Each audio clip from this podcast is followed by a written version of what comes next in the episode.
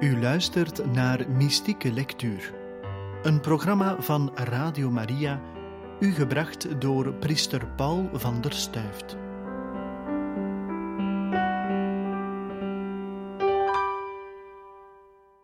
Welkom, beste luisteraars. Het programma Mystieke Lectuur presenteert sterke en diepe teksten van heiligen en van mystieke auteurs, voornamelijk over de intieme gebedsrelatie met God, pareltjes vanuit onze rijke schat aan christelijke spirituele traditie. In deze uitzending gaan we weer verder met de vraag wat ons gebed als christen is. Daarvoor gaan we liefst weer bij de heiligen in de leer, om het met meer hedendaagse woorden te zeggen, we gaan bij ervaringsdeskundigen ons licht opsteken. Zij kunnen vanuit hun ervaring ons het best inlichten over wat het gebed eigenlijk is. Om dat namelijk te doen, worden ze steeds geconfronteerd met de grote uitdaging om het onzegbare afdoende onder woorden te brengen. Willen we door hen hierbij geholpen worden, dan moeten geduld hebben en aandachtig luisteren. Of beter zelf, aandachtig lezen wat ze ons hebben nagelaten aan rijke christelijke spirituele lectuur. Het vraagt wel een hele toeleg om zelf stilaan meer inzicht te krijgen in datgene dat ons verstand voor een groot stuk ver te boven gaat, maar het loont echt de moeite. Het woordje heiligen wordt enerzijds gebruikt voor mensen die na hun dood werden heilig verklaard door de kerk, maar anderzijds ook door kan het ruimer gebruikt worden. Sint Paulus richt zich hier bijvoorbeeld in zijn brieven tot de heiligen van de gemeentes waarnaar hij de brieven schrijft. Deze waren toen nog niet heilig verklaard en de meesten onder hen zijn ook nooit heilig verklaard geweest. Maar de apostel Paulus richt zich toch tot hen met deze aanspreektitel. We zijn namelijk allen geroepen tot heiligheid, en in de mate dat we ons daar echt op willen toeleggen, geeft God ons daar dan ook de genade toe. Meer hoeft dat ook niet te zijn, want de heiligheid zelf is een gave van God, die we louter op eigen krachten niet kunnen bekomen. We vervolgen onze zoektocht dus naar wat een gebedsleven en dus een relatie met God eigenlijk inhoudt. Het bidden staat namelijk centraal in een gezond christelijk leven. Het is verbonden blijven met de bron van het leven, de adem van het leven inademen zoals zijn scheppend en herscheppend werk in en door ons mag gerealiseerd worden. Het is de diepe levensvreugde en vrede vinden, of beter gezegd bezitten, die voortvloeit uit een leven in verbondenheid met God. Deze diepe vrede en vreugde rust ons toe om vastberaden de wil van God de Vader voor ons leven aan te durven, waar die ons ook toe mag leiden. Luisteren nog even naar wat we uit de vorige editie hebben meegekregen uit de institutiones van Johannes Tauler. Wat God bovenal van ons verlangt, dat is dat terwijl we onze eigen wil volledig aan Hem afstaan, we Hem alles laten doen wat Hem gelieft. Van daaruit vloeit de ware en blijvende vrede voort die we bezitten. Zonder dit dient ons alles wat we aan God zeggen, of alles wat God tot ons zegt, tot niets of tot heel weinig tot we kunnen zeggen naar het aanvoelen van de apostel: Heer, wat wil jij dat ik doe? Een ander mooi beeld naast hetgene we vorige keer aanraakten om ons op het bidden goed voor te bereiden, namelijk het op orde zetten van het huis, is het versieren van het huis. De tekst waarover we straks zullen mediteren zal ook later nog van pas komen. Het is belangrijk dat we al onze tijd nemen om in deze teksten, die de bedoeling hebben ons bidden te voeden, binnen te treden. Misschien kan dit langzame tempo jullie ontmoedigen. Laat je echter rustig bij de hand nemen en leiden. Binnenkort zal je je gewaar worden dat deze stapsgewijze leertijd je in tegendeel veel tijd heeft doen winnen, en dat het bidden je zo gewoon en noodzakelijk zal geworden zijn als de ademhaling of als het eten en drinken. Laten we proberen het belang van een goede voorbereiding op de ontmoeting met de Heer beter te leren verstaan. Eenmaal dat het huis op orde staat, is de volgende stap dus het versieren ervan. Een gastvrij huis is geen leeg huis, maar een bemeubeld en mooi ingericht huis. Ons terugtrekken of ons bezinnen is geen afwezigheid van gedachten, maar het ordenen van onze gedachten. Beginnen met orde te zetten in onze gedachten zal namelijk de stap zijn voor vandaag en het zal het begin zijn van de methode die in de derde stap reeds werd aangekondigd. Orde zetten, dat wil zeggen het terugdrijven van de zorgen die niets te maken hebben met ons gebed en ons bezighouden met diegene die daar is. Daarvoor beginnen we met ons een beeld te vormen of een voorstelling te maken van Hem die ons het leven gegeven heeft. God is onzichtbaar voor ons, maar Hij heeft een zichtbare vorm aangenomen in Jezus. Door ons Hem voor de geest te roepen en ons Zijn woorden opnieuw tot ons te laten richten, wordt het Evangelie een bevoorrechte weg van het gebed. Om te komen bij deze mensheid van God, zegt een Sint Ignatius in zijn geestelijke oefeningen, een, Theresia, een heilige Theresia van Avila in haar weg van de volmaaktheid, of een Sint Franciscus van Sales in zijn inleiding tot het vroom of toegewijd leven, om rustig een passage uit het Evangelie te beginnen lezen, die we hebben gekozen omdat ze innerlijk tot ons spreekt en ons goesting geeft om er meer van te vernemen.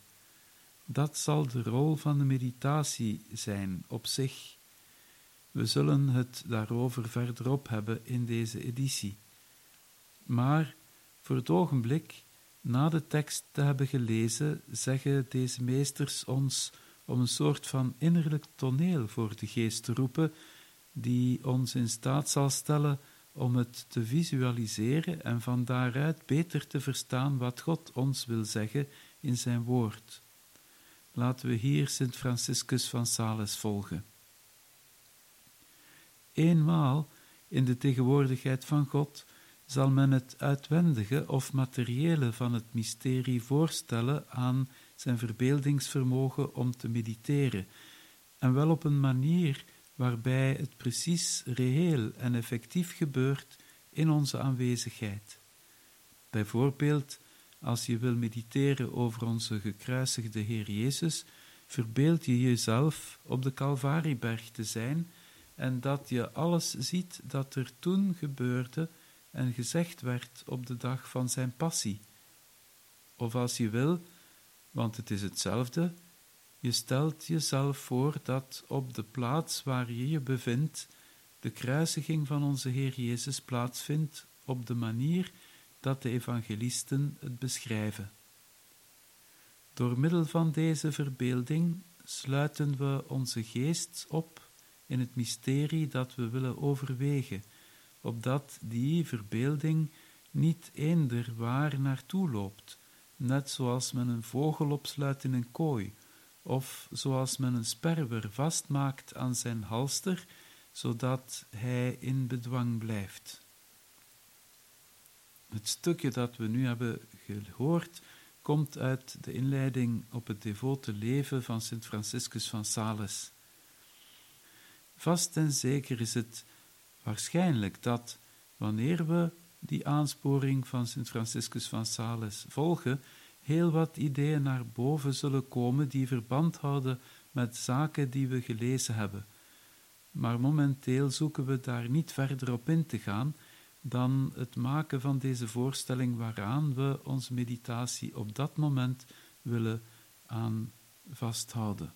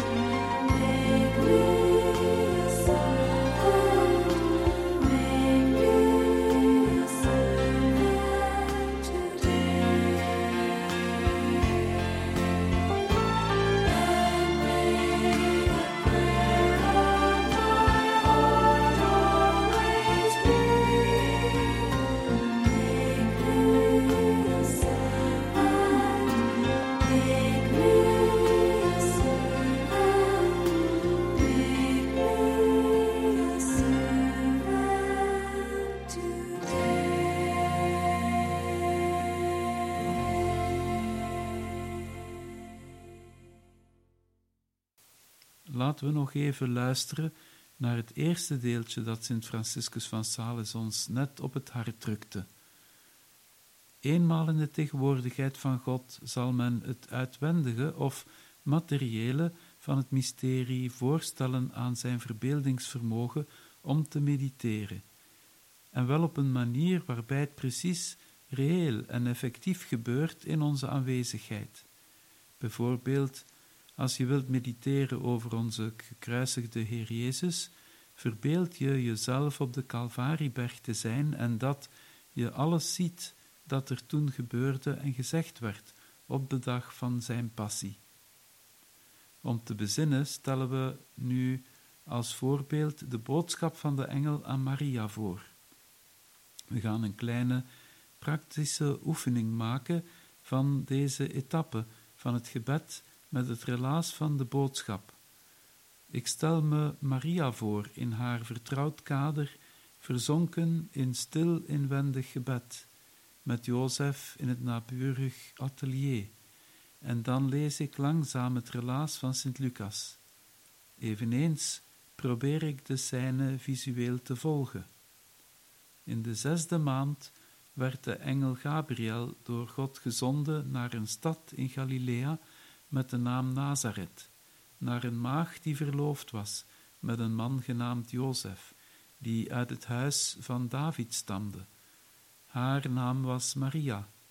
De engel trad bij haar binnen en zei: Verheug u, begenadigde, de Heer is met u.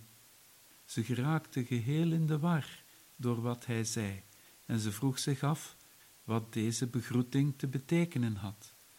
Maar de engel zei: Schrik niet, Maria, u hebt genade gevonden bij God. U zult zwanger worden en een zoon baren die u de naam Jezus moet geven. Hij zal een groot man zijn en zoon van de Allerhoogste worden genoemd. God de Heer zal hem de troon van zijn vader David geven. Hij zal eeuwig koning zijn over het huis van Jacob en aan zijn koningschap zal geen einde komen. Maar hoe moet dat dan gebeuren? vroeg Maria aan de engel. Ik heb geen omgang met een man. De engel antwoordde haar: De Heilige Geest zal over u komen en de kracht van de Allerhoogste zal u overschaduwen. Daarom zal het kind heilig genoemd worden, zoon van God. Bovendien is ook Elisabeth, uw verwante, op haar oude dag zwanger van een zoon. Zij werd onvruchtbaar genoemd, maar zij is al in haar zesde maand. Want voor God is niets onmogelijk. Toen zei Maria: Ik ben de dienares van de Heer. Laat met mij gebeuren wat u gezegd hebt. Toen ging de engel van haar weg. Dit komt dus uit het Evangelie volgens Lucas, hoofdstuk 1, versen 26 tot 38. Deze kleine meditatieve oefening die we hier aanbrengen, komt ons wellicht wat abstract over, opdat ons bidden eveneens heel concreet zou worden beleefd, heeft de christelijke godsvrucht talrijke middelen ontdekt. We zouden ongelijk hebben om ze daarbij niet aan te wenden. Beelden, liederen, teksten van heiligen, een mooi standbeeld, een gebedshoekje in ons huis en zoveel meer. Allerlei dingen die onze ogen, onze handen, onze oren kunnen richten tot God. Hij is immers aanwezig midden onder ons. Kiezen wij uit dat alles hetgeen ons helpt om ons tot inkeer te brengen, zodat ons gebed niet enkel zou bestaan uit onze eigen ideeën, maar ook dat ze ons gevoelens mee opneemt, ons zicht, al onze zintuigen en tenslotte het hele universum waarin we leven. Een volgend stapje dat we nu samen willen zetten, zullen we als volgt verwoorden: praten met Hem. Bidden is een ogenblik van de eeuwigheid. We nemen er dus gerust al onze tijd voor. Laten we even aandacht geven aan dit beter, om dit beter te verstaan. We hebben ons geïnstalleerd met diegene waarvoor we ons huis hebben klaargemaakt. Wellicht hebben we hem niet zien, nog horen toekomen, want hij was al aanwezig. Laten we zeker herhalen dat het bidden niet de bedoeling heeft om hem te doen komen maar wel om ons toe te laten Hem te verwelkomen, of beter gezegd, Hem aanwezig te weten. We hebben dat in een van de vorige edities onderstreept. Het zien van de scène uit het Evangelie laat ons toe om aan Hem te denken, en daarbij is de tijd rijp om Hem al onze vragen te stellen en te luisteren naar Zijn woorden. Hierover zegt Sint Franciscus ons het volgende. Na de daad van het verbeelden volgt de daad van het verstaan, of het intellect, wat we meditatie noemen. Dat is niets anders dan een, dan één of meerdere overwegingen gedaan om onze genegenheid tot God op te wekken en het voor de goddelijke zaken te beroeren. Dat, als uw geest voldoende smaak, licht en vrucht vindt, bij een van deze overwegingen je jezelf daarbij stilhoudt en niet gewoon doorgaat. Dat je, zoals de bijen, die de bloem niet verlaten zolang ze er nog honing vinden om te verzamelen. Maar als je er niet in slaagt om in de overwegingen iets naar je zin te vinden, na te hebben geprobeerd en te hebben onderhandeld, ga dan gewoon verder naar de volgende. Ga in deze bezigheid op een eenvoudige en ingetogen manier te werk, zonder gretigheid of begeerigheid.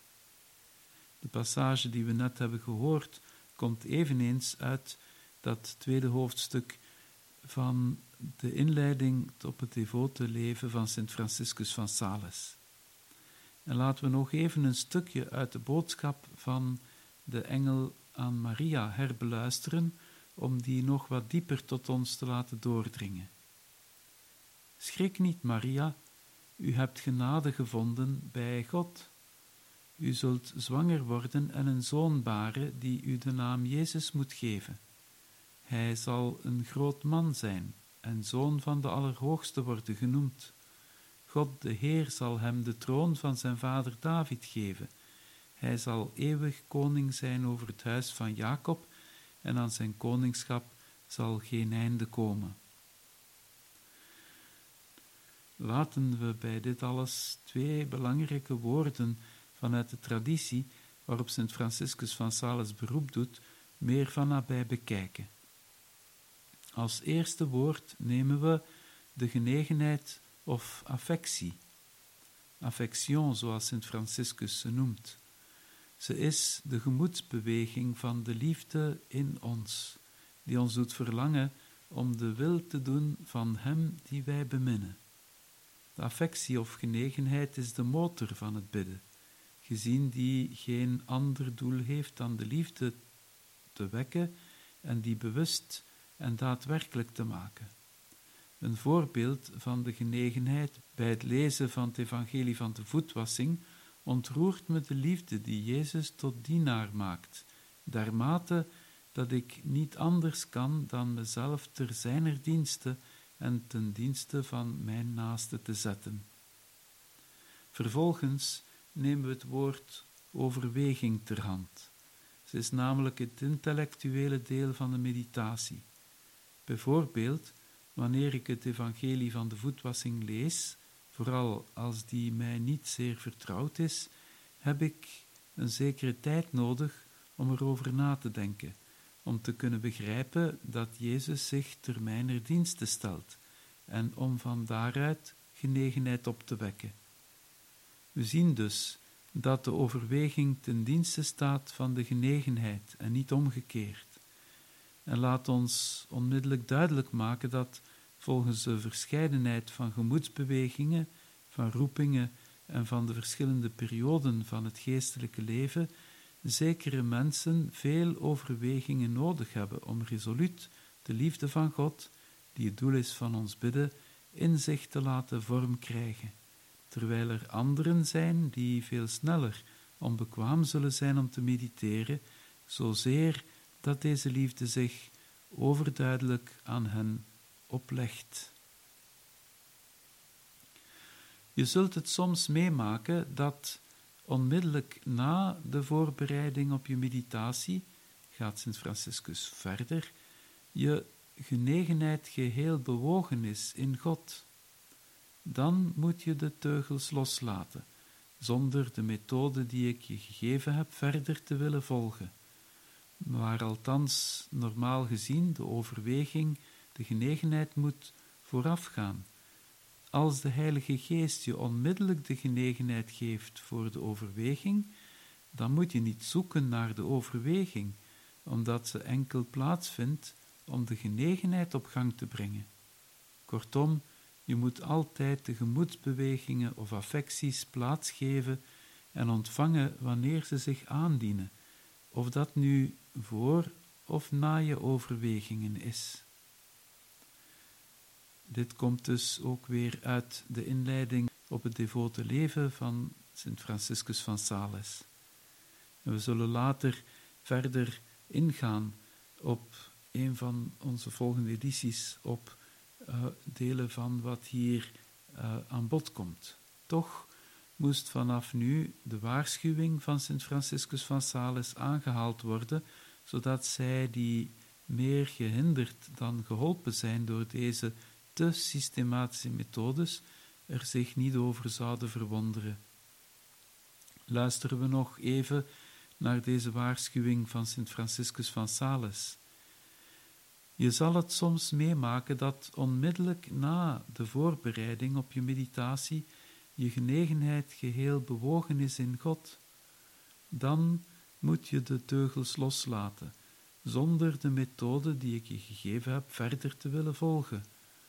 Waar althans normaal gezien de overweging de genegenheid moet voorafgaan, als de Heilige Geest je onmiddellijk de genegenheid geeft voor de overweging, dan moet je niet zoeken naar de overweging. De zalige Jan van Rusbroek gaat hierover zelfs een typische uitdrukking gebruiken die we gehoord hebben bij het lezen van de blinkende steen in een van onze vorige bijdragen. In het tweede element dat nodig is om een geestelijk mens te zijn, schreef hij: Ziene oefeningen moet zien wiezeloos. In het hedendaags Nederlands klinkt dat dan als volgt: Zijn oefenen moet wijzeloos zijn. Als we een recept willen volgen, dan is er sprake van een wijze of een wijze van handelen of een manier van werken. Toch is het goed, en zeker wanneer we nog leren om te bidden, dat we weten dat er verschillende aspecten zijn in het gebed en dat we hulpmiddelen hebben om daarin thuis te komen. Maar eens we voelen dat onze methoden in de weg gaan staan van een authentieke liefdesrelatie met God, dan moeten we de remmen loslaten en God de teugels in handen geven. Dat is het waarover Ruusbroek spreekt. In de geestelijke bruiloft spreekt Ruusbroek de wonderbare over de minne die God ons geeft en de minne die Hij van ons verwacht. Minne namelijk die Zijn edelheid waardig is, omdat dit iets is dat we niet uit onszelf kunnen produceren, lezen we bij hem het volgende. Hierin schieten alle geesten tekort, en daardoor komt het dat hun minne zonder wijze wordt en zonder manieren. Onze oefeningen, of ons oefenen, is deze van deze liefdesrelatie, die minneband. Dat is een interactie waaraan geen grenzen mogen gesteld worden of strategieën op hun plaats zijn. Om te bezinnen nemen we dus nu de tekst van de boodschap van Maria nogmaals ter hand. Hernemen de tekst van in het begin van deze editie en zetten een stap verder door die te doen weerspiegelen of weerschitteren, om er aansporingen in te vinden waarmee we ons christelijk leven beter kunnen beleven. Het vertrouwen van Maria, haar toewijding aan God, de fijngevoeligheid van de Heer. In de zesde maand werd de engel Gabriel door God gezonden naar een stad in Galilea met de naam Nazareth, naar een maagd die verloofd was met een man genaamd Jozef, die uit het huis van David stamde. Haar naam was Maria. De engel trad bij haar binnen en zei: Verheug, u begenadigde, de Heer is met u. Ze raakte geheel in de war door wat hij zei, en ze vroeg zich af wat deze begroeting te betekenen had. Maar de engel zei: Schrik niet, Maria, u hebt genade gevonden bij God. U zult zwanger worden en een zoon baren, die u de naam Jezus moet geven. Hij zal een groot man zijn en zoon van de Allerhoogste worden genoemd. God de Heer zal hem de troon van zijn vader David geven. Hij zal eeuwig koning zijn over het huis van Jacob, en aan zijn koningschap zal geen einde komen. Maar hoe moet dat dan gebeuren? vroeg Maria aan de engel. Ik heb geen omgang met een man. De engel antwoordde haar: De Heilige Geest zal over u komen en kracht, de kracht van de Allerhoogste zal u overschaduwen. Daarom zal het kind heilig genoemd worden, zoon van God. Bovendien is ook Elisabeth, uw verwante, op haar oude dag zwanger van een zoon. Zij werd onvruchtbaar genoemd, maar zij is al in haar zesde maand, want voor God is niets onmogelijk. Toen zei Maria, ik ben de dienares van de Heer, laat met mij gebeuren wat u gezegd hebt. Toen ging de engel van haar heen. We hebben dus nog eens dat tekstje hernomen uit het Lucas-evangelie, hoofdstuk 1, versen 26 tot 38.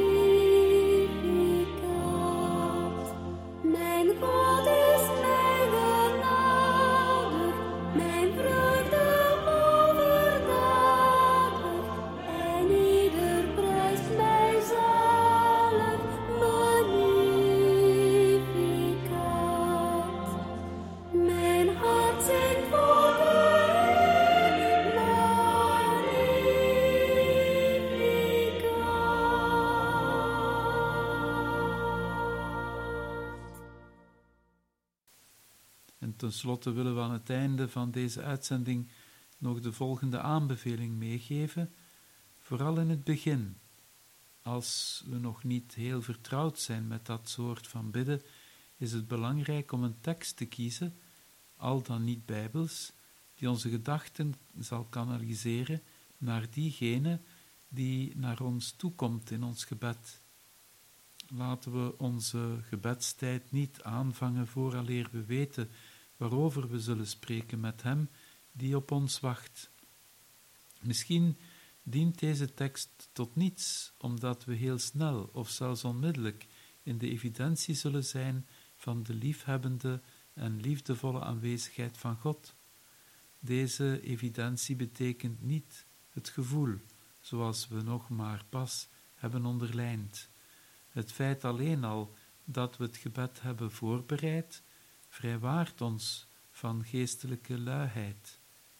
Jawel, het is een soort geestelijke luiheid die regelmatig onze meditatie ontzenuwt. We zullen hier eveneens in een van onze volgende edities verder op ingaan. De teksten die we hebben voorgelezen komen voor een deel uit het werkje van Pater Max de Longchamp, Oraison à l'école des saints, vertaald als bidden bij de heiligen in de leer.